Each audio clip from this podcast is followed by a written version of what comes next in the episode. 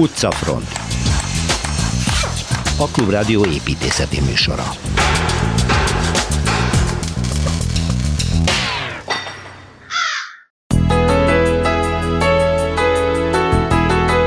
Kikötői negyed, tehát kocsmák, bicskák, kitűnő széklábak, bordélyok, na de mindez már a múlt, mert már a színes és komfortos szórakozó negyed lett a barcelonai Raval, ahová Szilveszter Ádámmal látogatunk el. Kerecsényi Kristóf egy a 60-as években épült budai társasházat mutat be, amit a kétszeres ébüldíjas építész Pázmándi Margit tervezett. Torma Tamással tovább sétálunk múlt heti helyszínünkön, az Attila úton, ahol híres házak és híres emberek történeteiről hallhatunk. Igazi bravúr a Bródi Sándor utcában egy valószerűtlenül keskeny telken épült fel az Orvostudományi Egyetem egyik új kampusza, amiért a tervezők meg is kapták a budapesti építészeti nivódíjat. Vendégünk Bődi Imre és Frikke Zsolt. Ezután elrepülünk Japánba, ahol egy kiotói palotában járt Kovács Krisztina, és rögzítette a zenélő padló hangját, ugyanis itt található az úgynevezett fülemüle padló. Kozár Alexandra pedig azzal a hírrel érkezik, hogy megnyílt a Józsefvárosi Múzeum, aminek falazatában egy különleges építészeti értéket tártak fel a tatarozás során.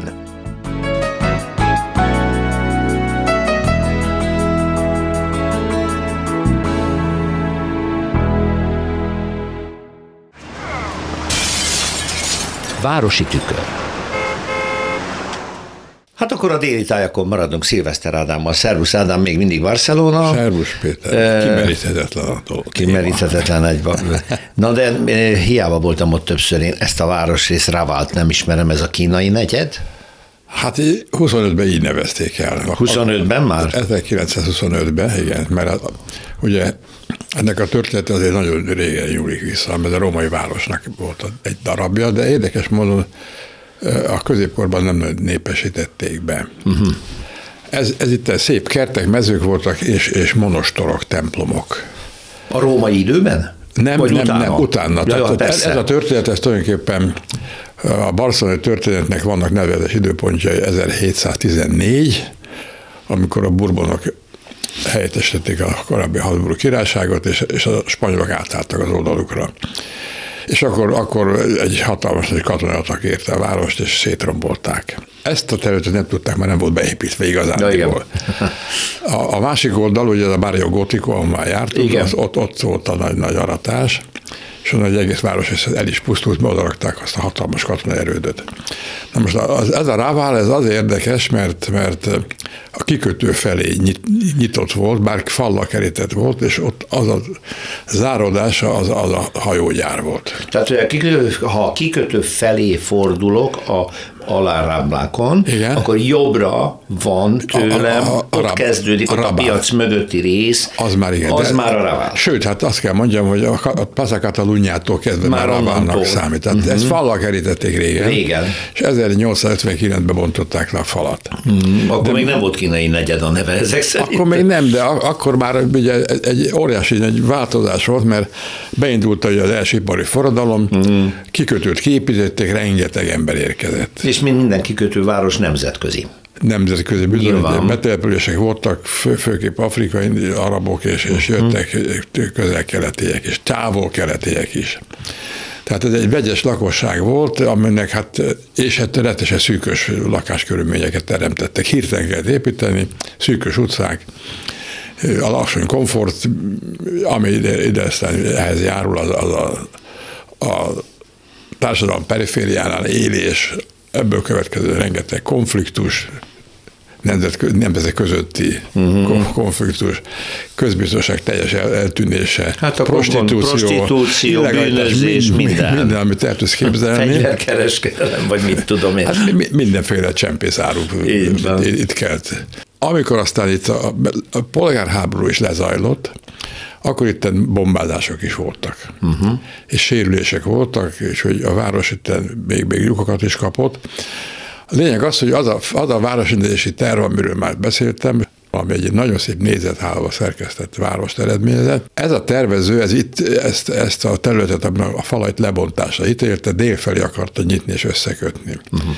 Hogy ez mégis nagyon későn valósult meg, hogy abban legyen egy, egy, egy olyan, olyan nyitott, összefüggő tér, mint a Rambla. Itt is kell egy Ramblát csinálni, és, ez meg, és 1995-ben sikerült. Ah. Tehát nagyon későn. Nagyon későn, igen. Tehát, és az a konszolidáció, ami, ami égetően szükséges volt, mert tényleg rengeteg baj volt, amit el tudsz képzelni, az, az feloldódott. Egy, egy író nevét említeném, aki nagyon fontos, ha Barcelonában az ember tájékozódni akar. Ő Carlos Ruiz Safon nevű barcelonai születésű, 64-ben született, és, és három éve halt meg 2000-ben Washingtonban fantasztikus könyveket ír, ami, ami ennek a városnak a sejtelmességét, a kaleidoszkóp-szerűségét, az obskuritását, mindent le. Gyönyörűen ír le, ez, ezek, ez, ez, ezek romantikus, szerelmes történetek, de, de thrillerek is. És meg, itt ebben a város itt, részben, ebben, ebben, hát itt, is rengeteg dolog játszódik, különösen aztán a Franco diktatúra idején, uh-huh. amikor itt a titkos rendőrség és a bégyékosok dolgoztak, igen, és, és hát rettenetesen szorongatott helyzetek voltak. És akkor visszatérjük a, még mert sétálni kezdenénk az eredetekre, ugye itt, itt ugye amikor azt mondtam, hogy mezők voltak és, és, és, és monostorok, kolostorok, ennek van egyetlen egy nagyon szépen éppen maradt darabja, azt 977-ben alapították és tulajdonképpen a, a, ez, a, ez a kicsi templom. Tehát a tizedik században, igen, a, a, a mezők, mezők Szent Jánosa. Uh-huh. És ez ma megvan? Zsán, igen, megvan, és ráadásul most be tudtunk menni, mert még bezárják. Ez, ez nem parokiális, és egy gyönyörű épület, gyönyörű, icike-picike. A kerengője az olyan, hogy az oldal hossza az oszlopsoknak az 8 méter. De olyan gyönyörűen megfaragva az oszlopfejek. Szóval. Uh-huh. És akkor utána van egy nagyon szép, egy, egyterű kápolna, aminek érdekes mondom, mert ez ugye a 13. században épült, de nem a legmagasabb építőrendek kezemunkája, tehát még boltozatot nem is tudtak csinálni, de ami elképesztő téglából hogy tudták megcsinálni azt, azt a belső negatív formát, ahol nincsen csegely, meg, meg bordák, hanem téglából úgy uh-huh. raktak, mint egy nagy kemence. Gyönyörű. És Ö, ezt most megnyitották. Ja, azt akartam, hogy most már látogatható. Látogatható. Uh-huh. Tehát ezt, ezt ajánlom, ez, ez a Szent, Mezők Szent Jánosa. És ez nagyon közel van ugye ahhoz a határvonalhoz, amit úgy hívják, hogy paralel, ugye az, az, a, az a sugárút, ami a Monzsóig felül zárja. Uh-huh. Na most ezen kívül van egy még egy nagyon érdekes épület, ugye itt volt egy óriási nagy pestis járvány, mint egész Európában. Itt is megjelent, ugye a 14. század közepén, és akkor egy, egy, egy, a Szent Keresztrend épített itt egy, egy, egy kórházat. Ez, ez ma már egyetem, egyetemi uh-huh. könyvtár. Tehát ez, ezek az nagyon szép nyeregtetős kortermek, ezek remekül működnek, mint olvasótermek. Uh-huh. És ennek a végén van a lábadozók, a konvalenciák, azok a gyönyörű reneszánsz udvara. És ezek megmaradtak, és, és a középkornak egyéb jelei a, a morfológiában is ott, ott élnek. Na most a, a keleti határát nézzük, az maga a Rambla. És a Ramblában kell lemenni ugye, érdekes dolgok lógnak be már a Ráválba, amik, amik egyrészt ugye annak a szembelevő gótikus oldalnak a modorába és minőségében épültek. Ezek között az első ilyen épület 1211-ben alapított Mercat, a La Boqueria, amit mindenki ismer, aki a Ramdán ment, mert oda be kell menni, vagy a vásárcsarnok. A vásárcsarnokban el is szoktunk időzni, akkor Igen. most egy hetet időzzünk ott, hogy utána folytatjuk Szilveszter Ádámmal a Ramál negyednek a, az ismertetését. Jó, úgyhogy egy hét múlva folytassuk. Igen. Budapesti séta. Most Budán folytatódik Kelecsényi Kristóf építészet történésszel, aki itt van velem a stúdióban. Szia! Szervusz! És hát egy olyan híres házról fogsz beszélni, ami én csak annyit tudok, amit küldtél nekem, hogy Pázmándi Margita tervezője, aki 52-ben végezte, akkor szerezte a diplomáját, de arról híres többi között, hogy ő kétszeres Ibldíjas nőként Miért volt ilyen, talán egyedül van De ez. miért volt ilyen kevés nő régebben, mert ma már azért az építész szakmában elég sokan vannak, nem? Hát, szerintem a végignézed az idei Ibül díjasokat, ők is csak férfiak. É, tényleg? Uh, hát most erről is lehet beszélgetni, én nem biztos, hogy erre meg tudom adni a jó válaszokat. Nem, nem, nem, inkább De az nyilván a, a, alapvetően ugye az építészetet, mint szakmát, a, a hagyományosan ugye az építkezéshez a korabeli társadalmi berendezkedés ugye a férfiakhoz kötötte. Meg hogy a maga az építész tervezőtől sokszor végig művezette a feladatokat, tehát ott van, Így van. fizikailag. Hát, ugye erről, erről most szerencsére az elmúlt években a női építészekről ugye egy elég komoly kutatási program is kezdett itt kibontakozni az építészeti múzeumban, uh-huh. meg többen, többen kutatták ezt a témát, és ugye hát a Pázmándi Margit egy, egy nagy név, aki tulajdonképpen a, a már a Kádár rendszerben azért, akkor ugye a legelső ilyen pionírok azért inkább a, a már a száz századfordulótól Óta. kezdve, uh-huh. hát még korábban is, tehát például Kolozsváron volt egy Paulas Erika nevű hm. építésznő, aki, aki hát az 1890-es években működött már így. És, és vannak is a korabeli sajtóban cikkek arról, hogy hát a nők jelenléte az építészetben az mit és hogyan fog megváltoztatni. Aztán nyilván egyébként nagyon hasonló viták zajlottak akkor ezekről a nemi szerepekről, mint, mint ma is. Uh-huh. De a ház maga, az én nekem egy nagy kedvencem. Most így tényleg, ha azt mondom, hogy Hegyalja út 2, akkor sokan szerintem hogy a rádió előtt nem, nem tudnak mit elképzelni, de abban segítek, hogyha ugye a hegyalja úton fölfele halad az ember, most autóval, busszal, vagy gyalog esetleg, az mindegy, akkor ugye ez az az épület, ami a, a jobb oldalon, az útnak az északi oldalán gyakorlatilag ott a Sánc utcánál elsőként egy ilyen modern, nagy ö, ö, öt vagy hat emeletes Szerintem lakóépület. ezt mindenki ismeri. És ugye, tehát nem a Cakó utca sarkán álló kis földszintes házikó, nem, ez egy modern, hanem ez egy, ez, egy, ez egy modern, ugye ez egy 1960-as évek végén megépült lakóház, aminek ugye a Pázmándi volt a tervezője, ugye, mint a AETV-nek a, az egyik ide kijelölt tervezője, és Egyébként ugye nagyon izgalmas ez a pozíció, tehát ha belegondolunk, ez egy városképileg nagyon hangsúlyos Igen. pont, és hogy, hogy mit csinál itt a tervező tulajdonképpen, hogy egy szabálytalan telek, egy, egy, egy hegyes szögű telek, ugye aminek a beépítése mindig építészetileg egy egyszerre szerintem hálás és hálátlan feladat, mert ugye az elkeskenyedő telek miatt az egész háznak az alaprajzában lesz valami olyan szabálytalanság, amit valahol valamivel, valamilyen helységgel, valamilyen szabálytalansággal ugye el kell úgymond nyeletni. És ugye ennek egy nagyon jó alanya tud lenni a lépcsőház, mert azt azért meg lehet csinálni szabálytalanra, és a közlekedő mm-hmm. terek, és akkor ugye a, a helyességek, a lakószobák már erre a négyszögletes rasterre tudnak úgymond illeszkedni. És az is nagyon izgalmas ugye a Pázmándinak a, a házában, ugye, hogy a, tehát ha megnézzük ezt a keskeny homlokzatot, ahogy fölérünk, akkor ugye a közepe így fel van úgymond skiccelve, ugye ott, ott látunk rá gyakorlatilag a, egy sötét look jelentkezik, egy, egy, egy, egy, egy vertikális, Igen. egy függőleges hangsúly, ami egy ilyen pozícióba egyébként nagyon kell és bevett. Ugye a, a 19. század építészete mit csinált ilyenkor, ugye kupolát rakott az ilyen sarokra, az egyébként ugyanez a gesztus gyakorlatilag, ugye egy, egy hangsúlyos, hosszú ö, álló ugye, ö, vertikális elem, és, ö, és gyakorlatilag ugye a, a, azt csinálja még a pázmány, hogy egy kicsit szinteltolásban is vannak a, a szárnyak, ugye mert az épület egyik homlokzat az Hegyalja útra néz, a másik pedig Igen. a, azt hiszem a Sánc, Sánc utcára. utcára.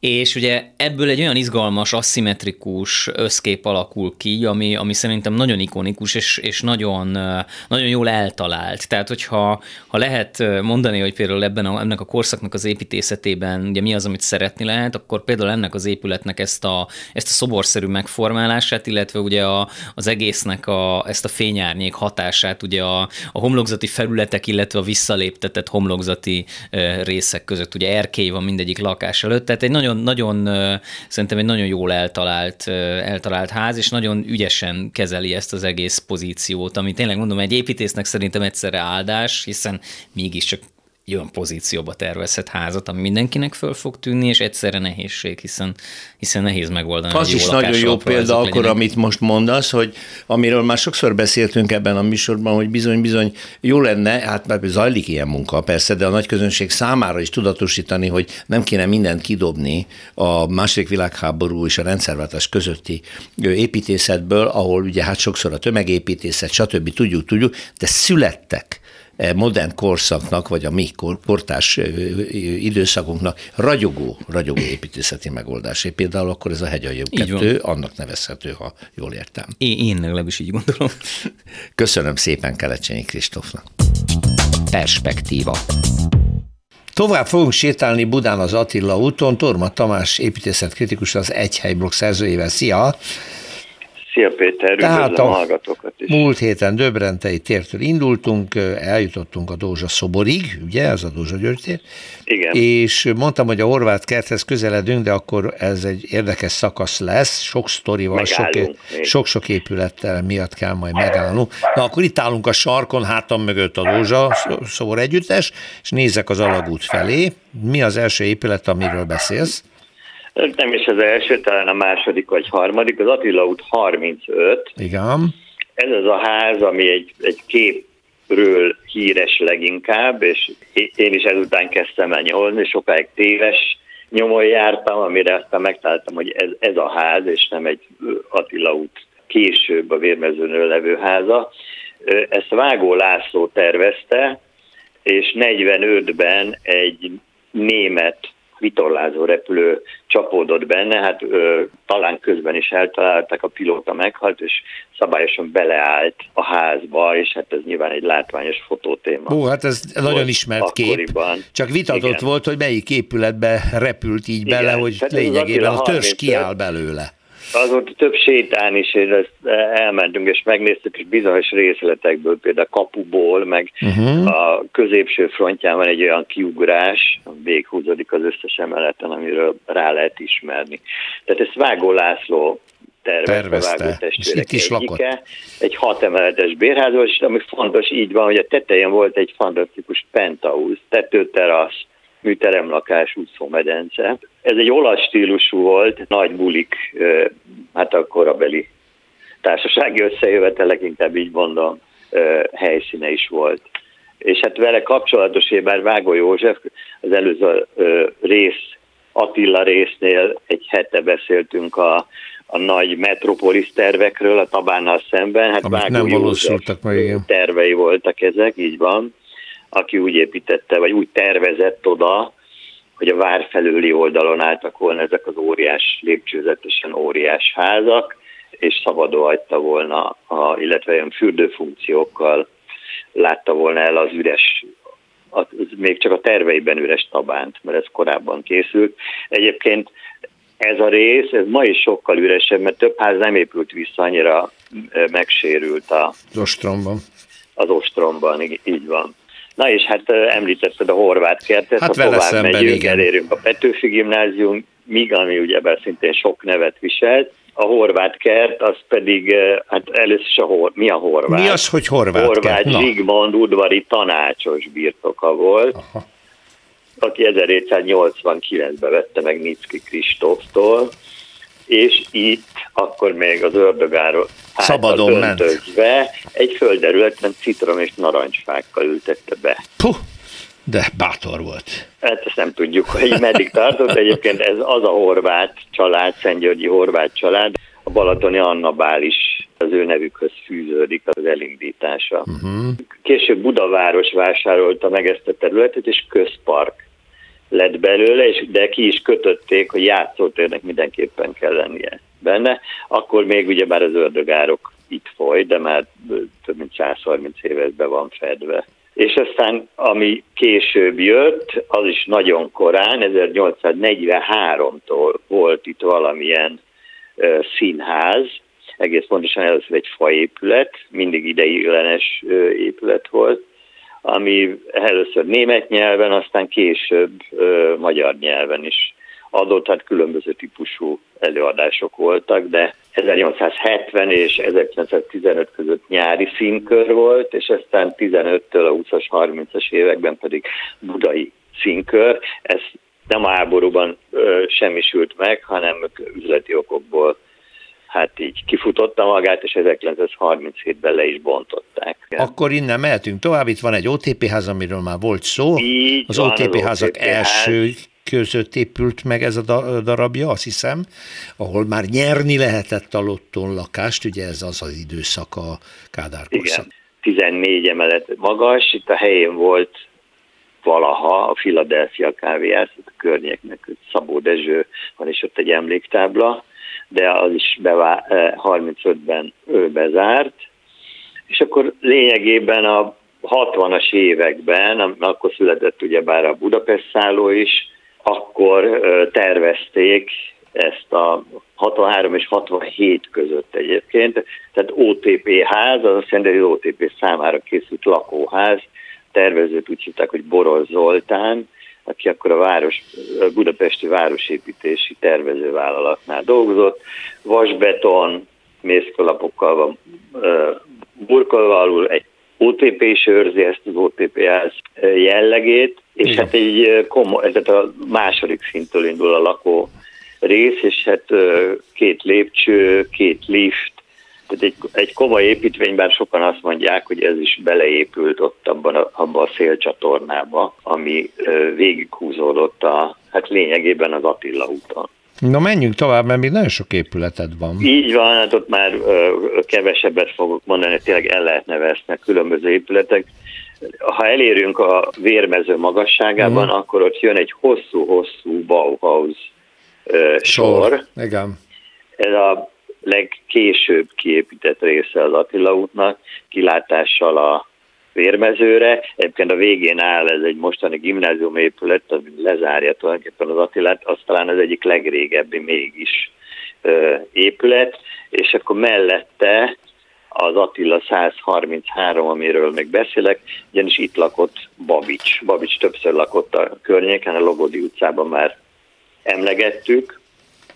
Ez volt a korábbi lakása, tehát még még csak 1937-ben tartunk, hmm. amikor már örökbe fogadták Ildikót, a lányokat, akik akkor 8 éves volt, és meg kellett neki egy külön szoba.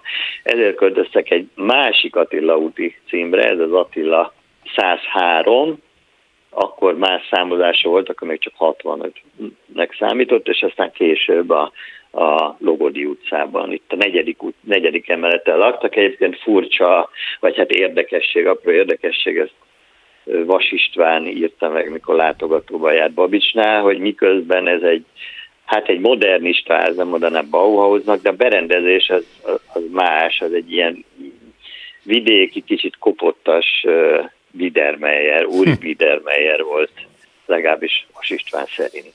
Ez tehát a Babicsék otthona. Igen. amit őriz a 133-as számú hát, ház az három úton. helyen is, igen. Három helyen is lakott. No. De többen is, ezen természetesen Szilágy Jákos is egyébként ott lakik a Azt tudom, igen. Mikó utca sarkán, ez egy híres ház, mert több emléktábla is van, hogyha valaki jár, nézze meg, hogy neki mindenki. Torma Tamás, köszönöm szépen, szia! Én is köszönöm, Szevasz Péter! Magas lesen. Egy olyan épületről beszélünk, amely megkapta a Budapest építészeti nívódíját, és egy egyetemi épületről lesz szó, és aki a belvárosban jár, elég könnyen meg fogja tudni találni, és akik megnyerték ezt a díjat ezzel a különleges épülettel, az Bőd Imre és Frikkel Zsolt, a Fragment stúdió vezető építészei itt vannak a stúdióban. Gratulálunk! Köszönjük szépen. Már csak azért is, mert ez egy fokhé volt, ugye eredetileg. Így van. Mellette viszont egy elég híres épület volt, ami szintén az egyetemi, ha jól tudom, az is Így az van, tudományi egyetemi. Dezső által tervezett. Ez egy Hűtl Dezső által tervezett épület volt, és itt lakott a Szent Királyi, akiről az utcát az elnevezték. Na, ez egy Tessék. Csak, tehát, hogy nem csak mellette lévő épület az egyetemi, hanem Jaj. a Vas utca irányába egy másik épület szárny, az is szintén az Igen. egyetemi. Tehát Igen. itt fontos, fontos, hogy hogy nem egy épületről beszélünk, hanem rögtön két épületnek a, a bővítése. Hát és hogyha most tovább bővítem, akkor a Palota negyed, ez gyakorlatilag itt már egy egyetemi, egy, egy kampusz negyed épül, és épül ki, de hát beszéljünk erről a konkrét házról. Itt a, a fokhi beépítés az mindig egy ilyen nagyon nehéz és különleges dolog. Ráadásul, ha jól értem, akkor ennek az épületnek kapcsolódni kell a többi egyetemi épülethez? Vagy teljesen önálló kubus? Nem, ez úgy, úgy néz ki, hogy már a hűtő is maga két ütembe tervezte uh-huh. az épületet, a Szent Király és a Vas utca között, és az egyik ütem 1906-12 között, a másik pedig 12 után készült el, és maradt egy harmadik üres rész, ami gyakorlatilag mm, egy elemi iskola volt sokáig rajta, azt levontották, háború alatt minden volt, aztán pedig parkoló lett a 90-es években, ilyen szokásos belvárosi módon, hát, és akkor erre, erre a kimaradt foghírészre kellett építeni, és gyakorlatilag a két meglévő hűtőházt egységbe foglalni és egyben működni, de a többi szemmelvesz épülettel, amik szanaszét vannak a, a, a Palota negyedben, azon nyilván nincs az, az, az nyilvánvaló, csak amelyikkel fizikailag is kapcsolatban van egymás mellett van. Na most ez egy történelmi városnegyed, jön a kortárs építészet dilemmája, hogy most nézzük csak a stílus, nézzük csak a homlokzatot először talán, hogy hogyan kell illeszkedni, vagy kell-e? Az illeszkedés kérdés az külön megérne szerintem egy órás, órás adást. Vágjunk bele. Igen. van, van még 8 perc. Tehát gyakorlatilag nagyon egyszerűen lefordítva, mi annyit tettünk, hogy a, a két hűtőháznak, amit, amit bővítenünk kellett, annak értelmeztük az alapvető struktúráját, hogyan működik az a ház, uh-huh. milyen előnyei, hibái, milyen téri rendszere van, és mivel nagyjából a bővítés úgy néz ki, hogy három negyed a hűtőház, és egy negyed, amit nekünk kell tervezni, nagyon hamar kialakult, hogy ki a főszereplő, mi a játékszabály. Ezért az új épület gyakorlatilag téri rendszerében az, az tulajdonképpen folytatja és kiegészíti a, a hűtőféle házat egy egységgé. Tehát ez volt az alapkoncepciónk, hogy az ne egy külön épület legyen, ami, ami egy bővítés csak önmagában, hanem ez egy egységé váljon. Mint ahogy annó Hütleszt mm, nem pontosan így, de valami hasonlót lerajzolt ő, mert ő már nyilván gondolkozott ezen, hogy mi lesz az a harmadik telek része. Uh-huh. Igen, de ez nem, ez ezzel együtt nem arról van szó, hogy az ember építészként belemásolja az új házát a régiek közé. Hát ott van a kor összes jegye anyagban, stílusban, ezt hogy lehet megoldani? Hát mi minden munkáknál nagyon, nagyon sok időt töltünk a hely megismerésével.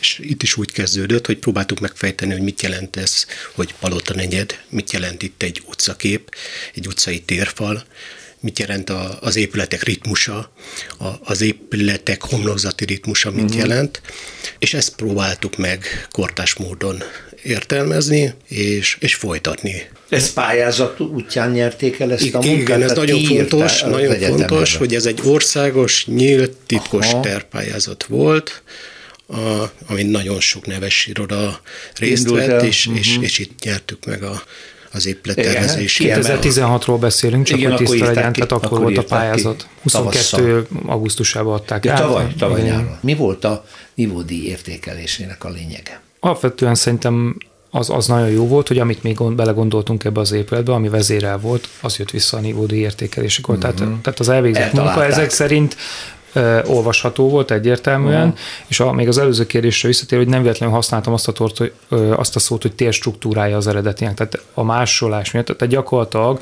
a terek túl sok minden nem változnak az évszázadok alatt, hanem, hanem gyakorlatilag az, azok használata, az anyagok, a technológia, minden egyéb változik, és mi próbáltuk a hűtőháznak meg, megtalálni a mai megfelelőjét, értelemszerűen kiegészítve az épületnek a közösségi tereivel, ami az eredeti házban nem volt, még hogy a szanatóriumnak épült. Uh-huh, Ez még igen, egy fontos. Igen, most oktatási tevékenység Így van. van az épületben. A belső szerkezetet akkor ö, ö, úgy kellett megcsinálni, hogy megfelelő világítás legyen, be van szorítva az épület, hogy lehet itt természetes fényt varázsolni, ezzel hogy bánta? A, a pályázat kiírásában az nagyon fontos volt, hogy ugye az egyetem e, azon túl, hogy, hogy kisméretű oktatótermek vannak a meglévő épületben, uh-huh. neki nagyon nagy gondot jelentett az, hogy nem voltak nagy előadótermek. Tehát e, ebben az épületben el kellett helyezni egy 300 fős, egy Hopp. közel 300 fős előadótermet, egy 200 fős előadótermet, egy 100 fős előadótermet, és még a tervpályázatban szerepelt egy torna tornaterem is. Puh. Egy kisebb méretű tornaterem.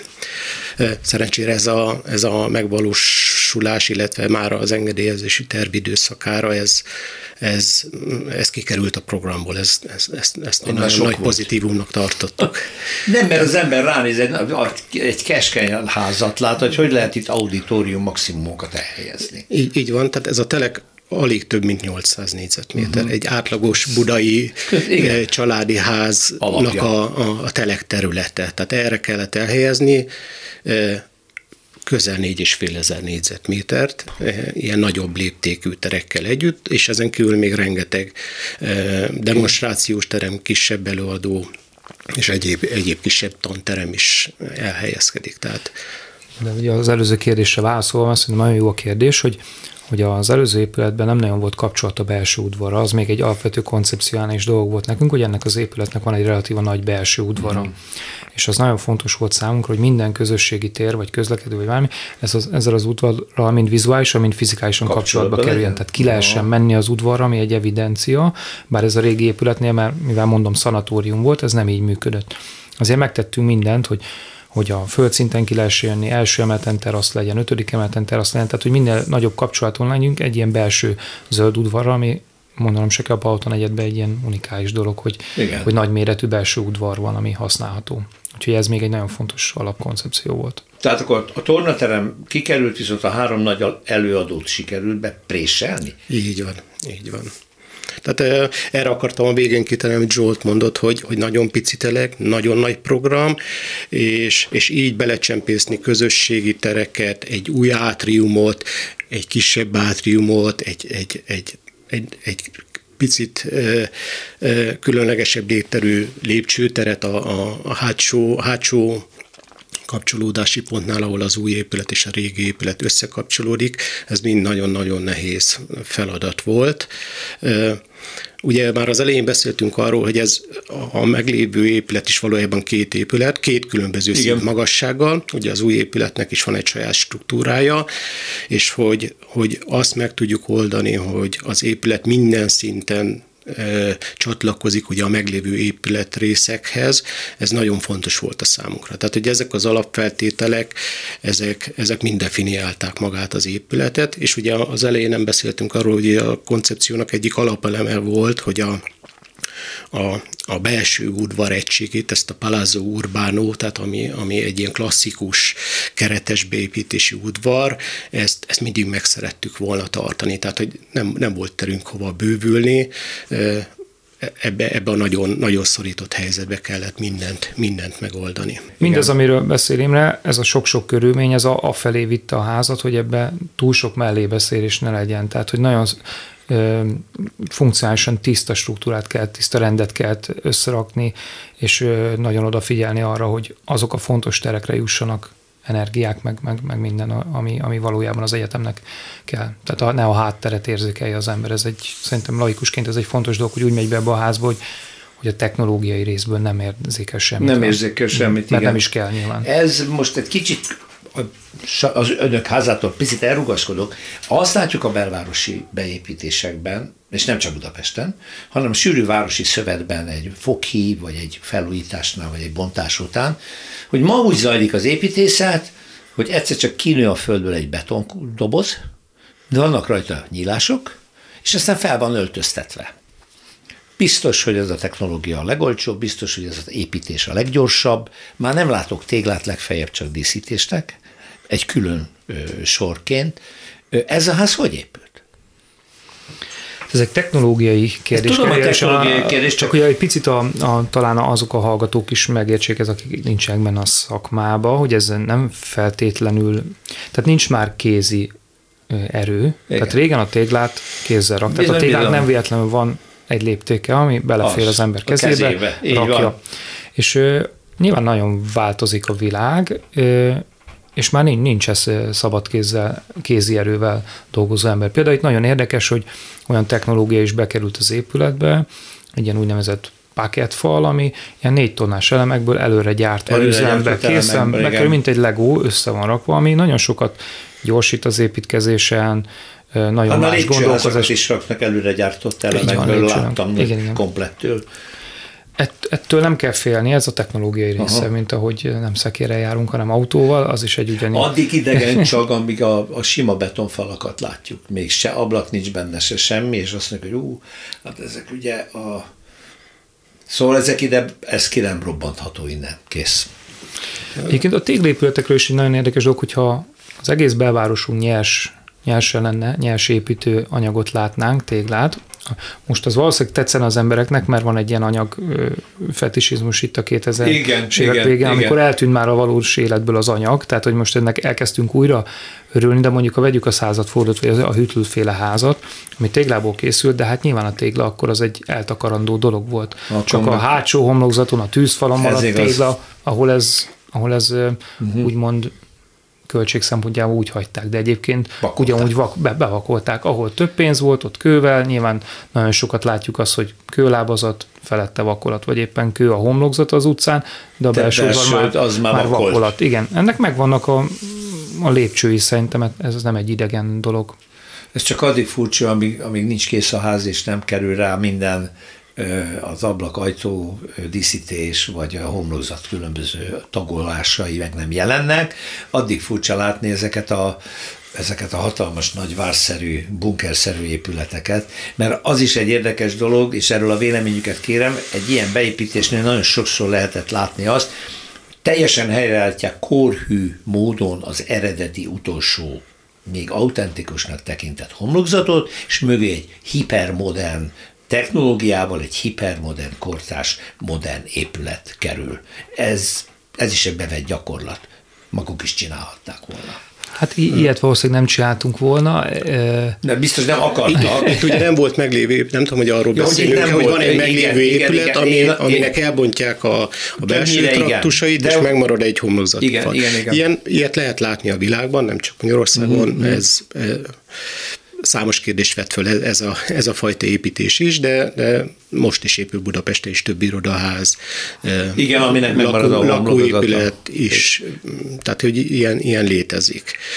Nálunk ugye nem volt, nem volt semmilyen Nem volt előzmény, de. igen. Utolsó kérdés, amikor a megrendelő és az építész kapcsolatba kerül, ugye van egy pályázat, az rendben van, utána leülnek a nyertesekkel, és akkor jönnek a kérések, a kérdések, és nagyon sok minden eldől, hogy ez a kapcsolat milyen, és ebből majd mi fog megszületni. Milyen partner volt az egyetem?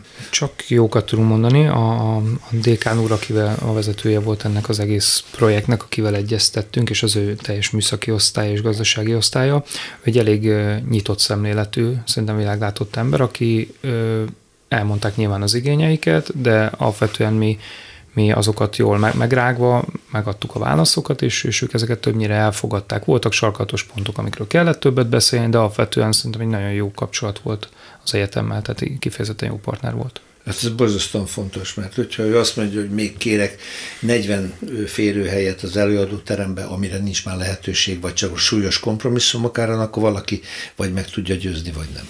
Ezek szerint mindenről, lehetett, mindenről lehetett beszélni, tehát ez nagyon jó volt. Nagyon szépen köszönöm, hogy itt voltak. Még egyszer gratulálok a Fragment Stúdiónak, két vezető építészével, Bődi Imrével és Frikker Zsoltal beszélgettünk erről az új egyetemi épületről. Köszönöm, hogy itt Köszönjük, Köszönjük szépen. szépen.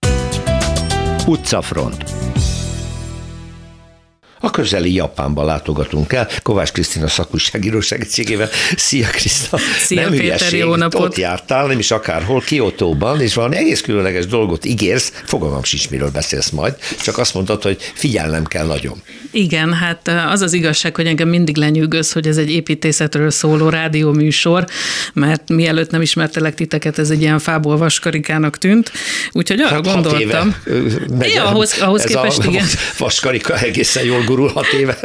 Egészen nagy darab vaskarika, úgyhogy arra gondoltam, hogy, hogy hozok valamit, ami hang. Na. Így, így, így utazásomból. Hogy beszél hogy... egy épület, vagy micsoda? Tulajdonképpen igen, igen. remélem meg tudom mutatni. Még egyszer mondom, Japán, Kiotóban vagyunk, vagy amer? Egy kocsi? Lovas Szerinted ez mi? Lovas kocsi? Hangja? Kerék? Nyikorog? Hát nem olyan kellemes, mint amire én számítottam. Ez kérlek alássan a fülemüle padló. Padló? Igen. Zenélő padló. Vagy zenélő, zenélő padló, illetve hát annyira nem zenél szépen, szóval nekem egy kicsit csalódás volt, én emiatt no. akartam elmenni a Nijó kastélyba, hmm. mert hogy volt egy időszaka Japánnak, amikor hát így eléggé, eléggé életveszélyben volt nagyjából mindenki mindig, és elég gyakran kellett menekülni, főleg így a helyi földesurak, akik már így építeni is tudtak palotákat, így izgultak a saját életükért, és hát akkor kitalálták, hogy, hogy meg lehet úgy építeni a padlót, hogy lehetetlen legyen rajta hang nélkül bemenni Tehát a házba. ez egy biztonsági Ez tulajdonképpen a, a biztonsági szolgálat. Aha. Mihez ráteszed a lábad, onnantól kezdve neki állt zenélni. És meg az eredeti neve is a, a fülem, hát nem a fülemüle hanem az egyik, egyik ilyen zenélő madárnak a, a, a nevéből van az első tag, a második az meg a, a készítési eljárás, hogy hogyan lehet ezt megcsinálni és, és hát Kiotóban ez az egyetlen olyan épület, ugye Kiotó is világörökség, Kiotó is a környéke, és 17 darab épületet sorolnak föl, ebből ez az egyetlen világi Uh-huh. Egyébként maga Kyoto is fantasztikus, tehát a 6. századtól a 17. századig van, van összegyűjtögetve ez a, ez a 17. ez a 17 épület, úgyhogy én így a szívemhez kaptam, amikor először meghallottam, hogy az amerikaiak listáján ott volt, amikor így kiválogatták a, a, azokat a városokat, ahova le lehet dobni az atombombát, főleg így Kyoto ismeretében. Úristen. És az egy emberem múlott, a legenda hogy, szerint. Hogy nem ez lett. Mert hogy volt egy, volt egy nagyon magas rangú kormánytisztviselő, aki járt Kiotóban 1926-ba, és úgy hívták, hogy Henry Stinson, és, és ő, ő elintézte, hogy na jó, hát akkor nem akkor ki, ki, ki. És hát így lett Nagasaki, szegény Nagasaki a második. Úgyhogy... Tehát ez másodiknak volt kinézve ki Hiroshima mellett. Hát egy ilyen, ha jól emlékszem, egy ilyen 6-8 városból álló lista ja, volt. igen, és rajta volt Kyoto. És, és rajta volt Kyoto, és akkor ő, ő azt mondta, hogy na nem, nem, nem no way, ki, Kyoto-t nem. Egyébként maga, maga a kastély a japán történelem szempontjából is nagyon-nagyon fontos, fantasztikusan szép egyébként, hát több mint 250 ezer négyzetméter mondjuk kertekkel együtt. 250 ezer? Igen, ebből 8 ezer az épület. Tehát ugye a japánoknál a, a, a természet az szent tehát a kövek is, a köveknek is van lelke, a kertek, na hát az, aztán abszolút nem tudtam fölfogni, hogy, hogy ilyen számomra homokozóként értelmezhető egy darab sima homok különféle vonásokkal, és akkor a belföldi turisták ott ülnek előtte 20 percekig, és ilyen mély áhítattal szemlélik. No. Szóval... Jaj, nézd. Akkor vissza egy kicsit a padlóhoz, mert valamit csak megtudtál, hogy ezek milyen módon zenélnek, vagy hogy van ez? Így, így ahogy hallottuk. Igaziból áll, Nem, vagy? én azt reméltem, hogy, hogy ez egy kicsit egy ilyen xilofonszerű valami ah, igen, lesz. én is erre gondoltam. Nem, itt valahogy, valahogy a, a, a körmök kopogása, meg, meg, a, meg a cipő, tehát hogy abban én most én nem tudtam belemenni, főleg japán technikai leírások meg. alapján, hogy, hogy, hogy ezt hogyan. Viszont amit találtam, és, és nagyon, nagyon vicces, hogy mi van akkor, amikor ez a technika találkozik Amerikával, mert én nem no. tudok elképzelni két ennél különbözőbb nemzetet, mert hogy az amerikaiak egy japán autó tévéreklámja kapcsán csináltak egy zenélő utat, ami végig lehet menni autóval, és, és akkor a Telvilmos nyitányt játsza. Kemény 18 napig tartott, amíg működött az első változat, mert addig bírták a szomszédok, és aztán az egészet át kellett hurcolni egy kicsit odébb. Lakatlan és, területre. Hát legalábbis nem, nem ott a, a mert hát mondták. Szóval akárszor elment egy autó, belekezdett a Telvilmos nyitányba. Igen, igen, elhoztam azt is, azt is meg lehet hallgatni, és akkor kiderült, hogy ennek egyébként 1995 óta van egy hagyomány kormánya, hogy autóval zenélő pályákat építünk szerte a világban, Argentinától Dániáig, az első az Dániában készült, akkor egy művészeti projekt volt, de most már egy kicsit ilyen, ilyen, ilyen felhívás is arra, hogy ne 130-al, vagy nem, hát, vagy ne 130-al menjünk ott, ahol 50-nel lehet, meg ne 230-al ott, ahol 130-al lehet, mert hogy az optimális sebességnél hallod legjobban az adott zeneszámot. Milyen finom közlekedési szabályozás. Hát aztán ez ugye. kérdés, hogy ezt Mernye Szent Miklóson tudják-e a helyiek, mert hogy Magyarországon is van két ilyen. Nem mondom. Az egyik a 67-es út. Igen. Amikor, amikor meghalt Cipő a Republik énekese, akkor a 67-es útonnak az egyik részét azt ott lefektették. A másik pedig, amit szintén elhoztam, mert szerintem az a legjobban föl, fölismerhető, az, az a 37-es út Szerencs magasságában, ami kérlek alássan, az érik a szőlőt zenéli, de csak akkor, hogyha 80 km per órával mész, akkor ideális. Fantasztikus. Akkor eh, tartsuk be a sebesség határokat szigorúan, akár, és akár zenével, akár ajándékba zenével. kapjuk ezeket a muzsikákat. Hát Kovács Krisztit, a szakújságíró, miket fedezelte fel? Úgyhogy légy gyere jövő héten is alá. Örömmel. Köszönöm. Utcafront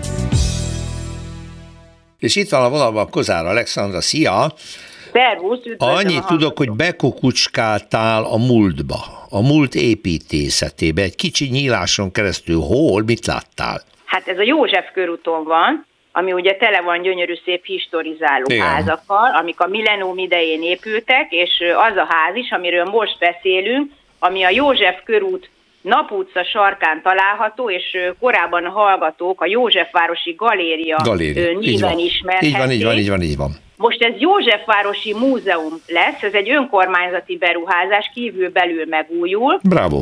Ez egy ötszintes épület, aminek két része a múzeum, és az alsó részben mindenféle kiállítások lesznek, tehát tulajdonképpen folytatódik a galéria funkció, viszont lesz felül egy helytörténeti állandó helytörténeti kiállítás. Tulajdonképpen múzeum alakul, de azon túl, hogy ez is persze érdekes, most került elő az eredeti 130 évvel ezelőtt tervezett egy kevéssé ismert, szinte sehol fel nem lelhető műépítő tervei által, Roszlozsnik Lukács által tervezett egyébként annó gyönyörű szép épület, ma sem csúnya, annó volt még egy karcsú kis saroktornya, mint általában ezeknek a saroképületeknek, hát tudod, a Blahán még az egyiknek megvan.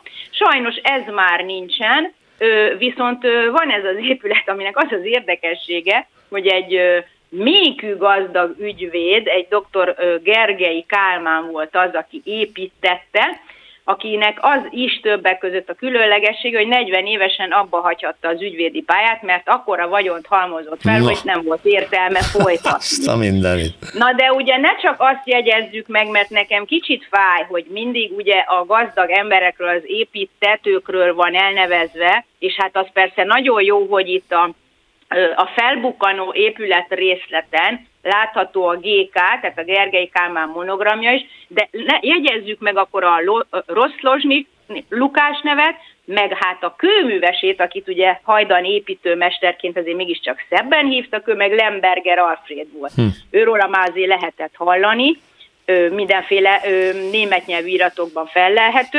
Na lényeg a lényeg, hogy ez a beruházás meg fogja tartani, ezt méghozzá azon a helyen, ahol. Tehát ott, ahol a fal darabban ez előkerült, és régebbi fortepán fotókat nézegetve érdekes, hogy 56-ban ő, még mindig nem látszik ez. Tehát ez most került elő, pedig akkor még az oszlopok, amik most már nincsenek ott az épület homlokzatán, pont a sarkon, akkor még ott voltak. 56-ban óriási bombatalálatot kapott sajnos az épület, és hát pont egy Nagy Gyula nevű fényképész arra járt, és le tudta fotózni. De ez a részlet még akkor se volt látható. Na most, Alex, akkor ez azt jelenti, hogy ezt az épületet úgy alakították át, vakolták föl újra, hogy az eredeti homlokzaton egy eredetileg a házon található díszítés ott maradt a vakolat alatt, amit most kibontottak. Pontosan, és ez nem a legalsó szinten van, hanem ez az első emeletnek a sarkán. Mm. Igen. Tehát le kellett ez egy ablakdísz, egy párkánydísz? Nem, nem, ez az eredeti épületnek a fala, még a téglák is látszanak, ja, uh-huh.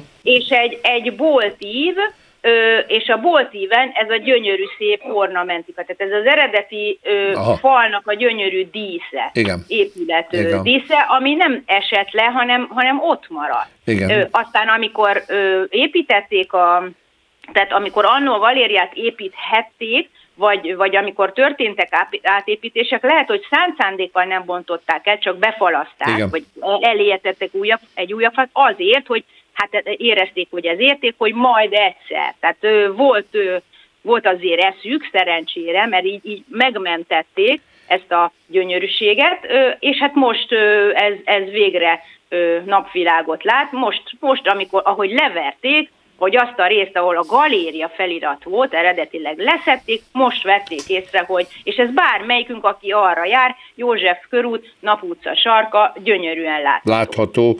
És Na. így tovább él az ügyvéd, akinek csak 40 éves koráig kellett dolgoznia, és mert ott van a GK monogram. A GK monogram ott van, és akkor hamarosan majd a Józsefvárosi Múzeum ja, és, és Galéria. Még nem mondtam, hogy, hogy megőrzik, és akkor Barta Ferenc, ő a kerületnek a főépítésze, ő, ő fogja a terveket, mert hogy hát ezt ugye rendesen építészetileg tervezni kell, hogy miként lehet beilleszteni ezt a ezt az ornamentikát, meg ezt a boltozatot, és akkor majd a Erő Zoltánnak, a Budapest ugye főépítészének fogja megmutatni ezeket a terveket. Tehát itt komoly, komoly munka és bírá, bírálás lesz, hogy hogy, de hát erről majd esetleg egy másik műsorban. Nagyon jó. Tudunk, tudunk Köszönöm megjelni. szépen Kozár Alexandrának, jövő héten várlak, szia! Szervusz, viszont hallásra!